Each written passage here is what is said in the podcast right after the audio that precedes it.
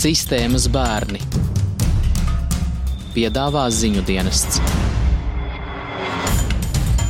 Latvijas bērnu namos šobrīd dzīvo aptuveni 1200 bērnu. Lielākā daļa no viņiem ievietoti pašvaldību bērnu namos, kuros uzturas gan veselie, gan bērni ar vidēji smagām veselības problēmām.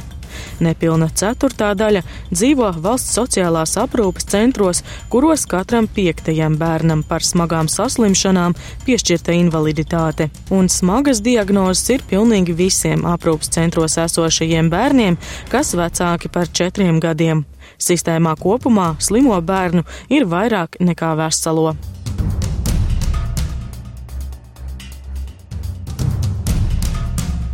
Nevienmēr šo bērnu vienīgā perspektīva ir aprūpas centri. Ja palaimējas, tad adoptē ārzemnieki. Ārvalstu adopcijas rindā pašlaik gaida 400 bērnu, kuriem piešķirtas smagas diagnozes un katram otrajam arī invaliditāte. Veselības problēmas, ar kādām bērnus parasti nodod adopcijai uz ārzemēm, ir piemēram autisms, garīga atpalīdzība, celiakija, HIV un citas saslimšanas. Mans vārds ir Vita Anstrate, un šajā raidījumā skaidrošu, kādas ir šo bērnu perspektīvas dzīvē Latvijā, intervēšu ģimenes, ārstus un politikas veidotājus, kā arī viesošos vienā no sociālās aprūpas centriem Rīgā. Šajā raidījumā par bērniem ar invaliditāti un HIV. Sākšu ar retāk apspriesto HIV, kura nosaukums biedē daudzus. Sabiedrības attieksme pret HIV pozitīviem bērniem esot nepamatoti aizspriedumaina un problēma samilzusi. Šādus signālus radio saņēmis no vairākām mātēm, kas savās ģimenēs uzņēmušas inficētus sistēmas bērnus un saskārušās piemēram ar bērnu dārza vadības noraidošo attieksmi. Tomēr runāt ierakstam par to, kāda ir ģimenes ikdiena un bērna perspektīvas dzīvē Latvijā, vairākas mātes nepiekrīt un nav arī daudz šādu ģimeņu. Latvijā adoptēti vien trīs HIV pozitīvi bērni un tikai pēc vairāk kārtējas auģu ģimeņu un aizbildņu arī adoptētāju nevalstisko organizāciju uzrunāšanas intervijai piekrīt auģu mamma un adoptētāja Ines Meirāne. Nekādas blakus parādības īpašas nebija. Vienīgais, ko es tagad novēroju, viņa daudz biežāk mēdza varbūt saslimt vieglāk, nu, ātrāk viņai ķērās klāt kaut kādas ziemas, ziemas, teiksim, miesnas, sklepi, ja, un tādas lietas, bet uh, kopumā viņa bija, teiksim, ja mēs tā ņemam attīstības ziņā, un viss bija ļoti gudra. Pirms vairākiem gadiem Meirānis ģimenē ienāca pirmais bērns ar šo vīrusu - meitene, no kuras māte atteicās pēc dzemdībām. Pirms sešiem gadiem meitene Latviju pameta, jo viņu adoptēja ārzemnieki.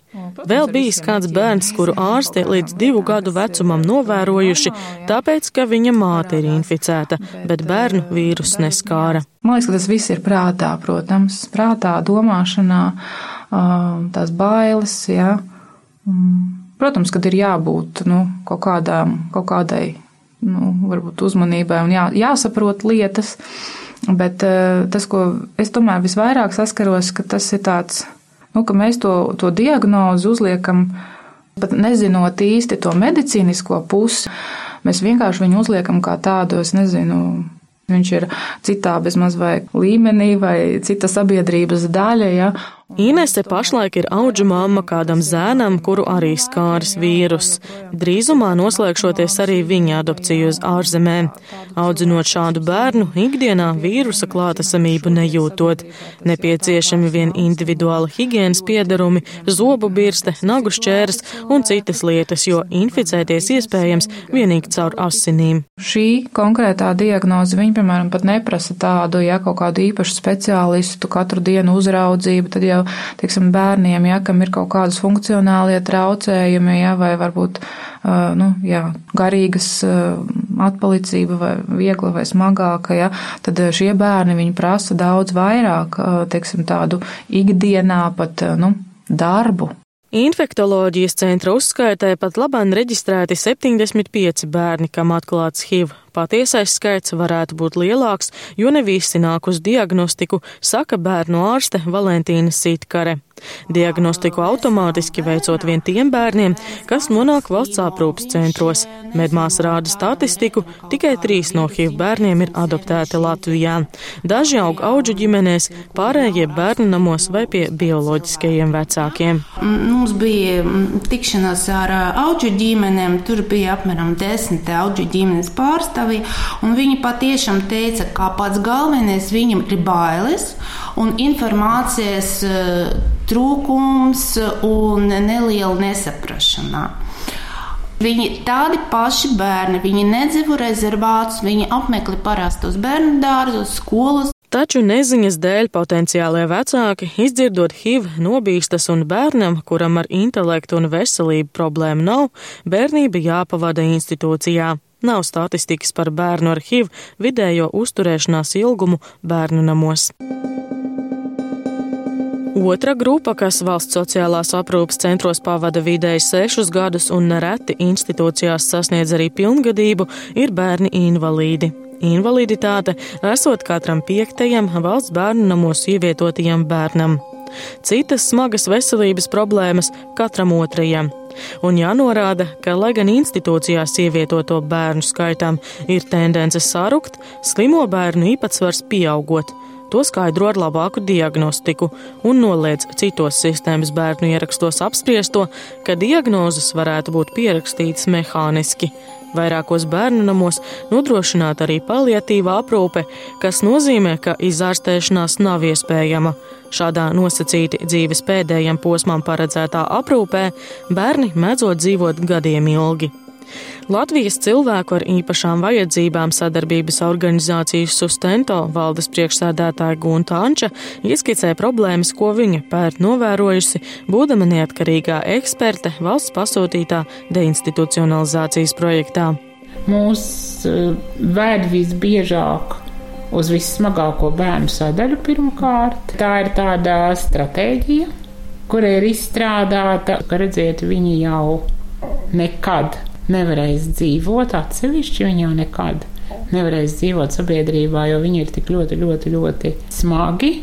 Un šie teksti, kas tad viņus ņems, kam tad viņi ir vajadzīgi, kas tad ar viņiem tiks galā, un viņiem vislabāk ir pie mums. Tās ir frāzes, ko tu dzirdi pilnīgi stabili katrā vietā. Nelielai atkāpei pērn vasarā, kad radio viesojās aprūpas centrā Kapseļu ielā, kurā vēlāk veicām arī žurnālistikas eksperimentu, pēc kura darbu zaudēja filiāls toreizējā direktore Marija Ziņina. Bijusī vadītāja arī man piedāvāja ielūkoties vien slimo bērnu grupās un pauda, ka 90% bērnu ir palietīvā aprūpe un nepieciešama uzraudzība 24 stundas diennaktī. Līdz ar to nodrošināt ģimenisku aprūpi nav iespējams. Ančai gan radušās aizdomas par iespējamu manipulēšanu ar diagnozēm. Jāatgādina, ka arī Jālgavas bērnu namā tika novērots, ka diagnozes ir pārspīlētas. Dažādas smagas atpalīdzības bija ierakstītas bērnu lietās, taču ne medicīnas kartēs, par kurām atbildīgi ir ārsti. Es esmu pārliecināta, ka daudzi no viņiem savā dzīvē daudz ko varētu sasniegt, ja vien viņi nebūtu ielikti tajā dīvainajā rāmī, kur viņi tiek redzēti kā objekti, kurus vajag pabarot daudz, maz, cik no laika pietiek. Bet lielākā daļa šo bērnu var dzīvot ģimenē, var dzīvot sabiedrībā. Un galvenais viņi var ne tikai ņemt, bet dot sabiedrībai.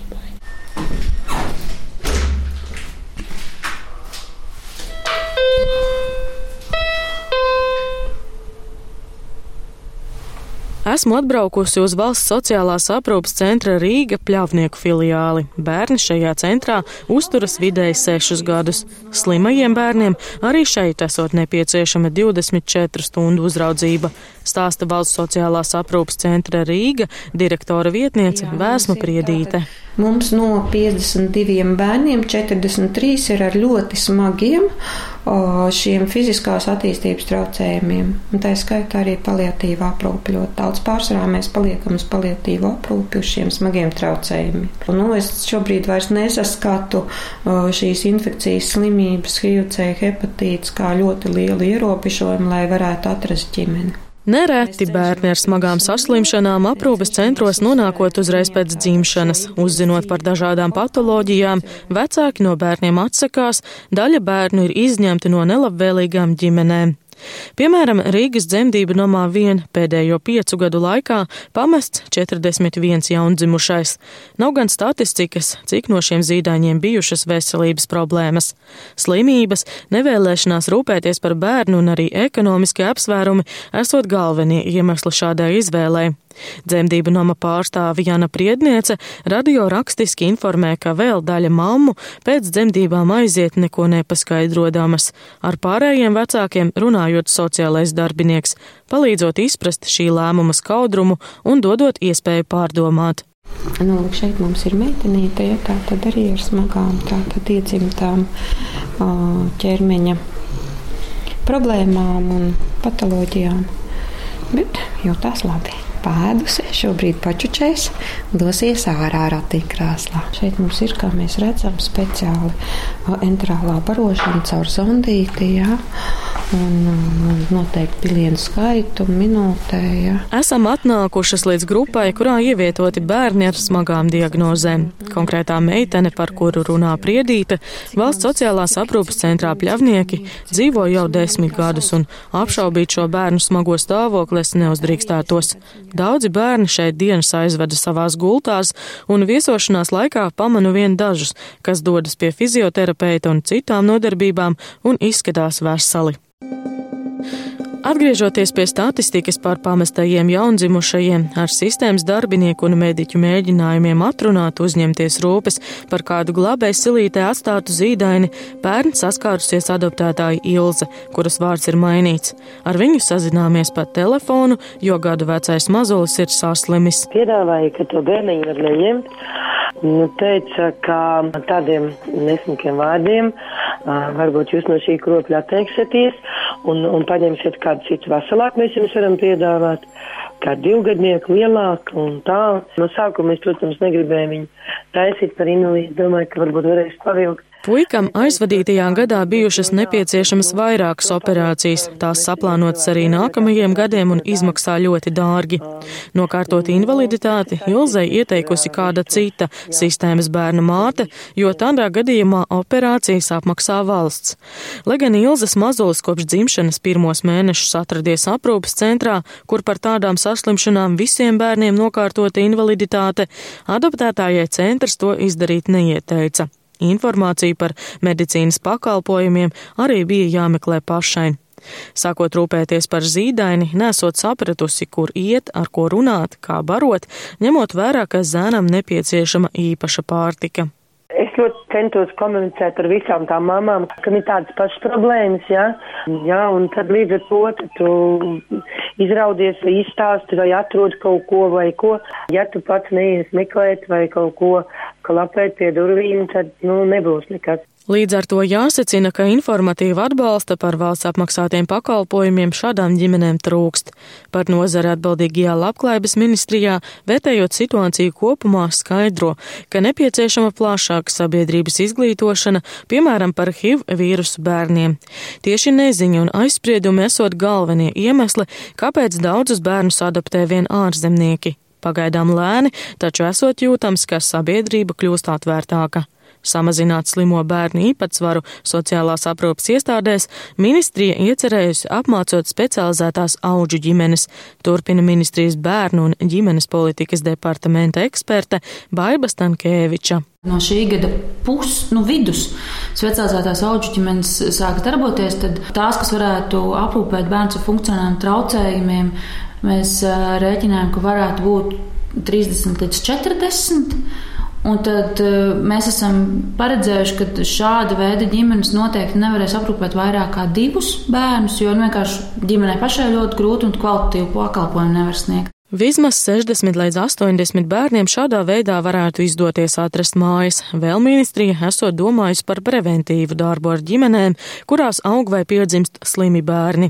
Drīzumā, ieviešot deinstitucionalizācijas plāna aktivitātes, tikšot piedāvāts jauns pēcmaksas pakalpojums bērnu pieskatīšanai un rehabilitācijai aprūpas centros, kur uz vietas strādā gan mediķi, gan citi speciālisti, ļaujot mamām un tētiem vairākas reizes gadā atpūsties plānots izveidot visā Latvijā vairākas vietas, kur tieši ir rehabilitācijas pakalpojumi šādiem bērniem, lai ģimenes nebūtu spiestas no viņus ievietot iestādē. Bet šobrīd ar rehabilitācijas pakalpojumiem bērniem ar invaliditāti ir Latvijā ierobežots iespējas, tāpēc mums, mēs ļoti gaidām, kad pašvaldības aktīvi sāks īstenot teju projektu. Aprūpes centri pēdējos gados pārkvalificējušies no pakalpojumu sniegšanas jaundzimušajiem uz aprūpi galvenokārt smagi slimajiem bērniem, jo veselos bērnus ātri adoptē, bet bērni ar vieglākām saslimšanām dodas uz pašvaldību bērnu namiem. Iespējams, jau šogad ģimenisku vidi baudīs vairāki desmiti šo bērnu, bet ar to ar vien būs par maz, lai katram atrastu mājas. Tomēr rodas sajūtas, un arī statistika to rāda, ka sabiedrība, auģu ģimenes un adoptācijas adoptētāji kļūst arvien atvērtāki pret vecāku pamestiem bērniem. Ministrijai būtu vairāk jāstāsta par to, kas slēpjas aiz piešķirtajām diagnozēm, jo ar jau uzskaitītajām HIV, celiakiju, astmu un pat uzvedības traucējumiem, kas arī pielīdzināmi veselības problēmām, ikdienā pieaugušie var sadzīvot tādējādi dodot katram bērnam iespēju uz pilnvērtīgu dzīvi un labāku nākotni. Turklāt, kā stāsta auģu mammas un arī ārsti, virkne diagnožu un uzvedības problēmu pazūdot tad, kad bērns nonāk ģimenē. Rēdījumu veidoja Vīta Anstrate, par labskaņu rūpējās Uldis Grīnbergs. Darbības vārds īstenības izteiksmē izsaka darbību kā realitāti - tagadnē, pagātnē vai nākotnē, vai arī to noliedz.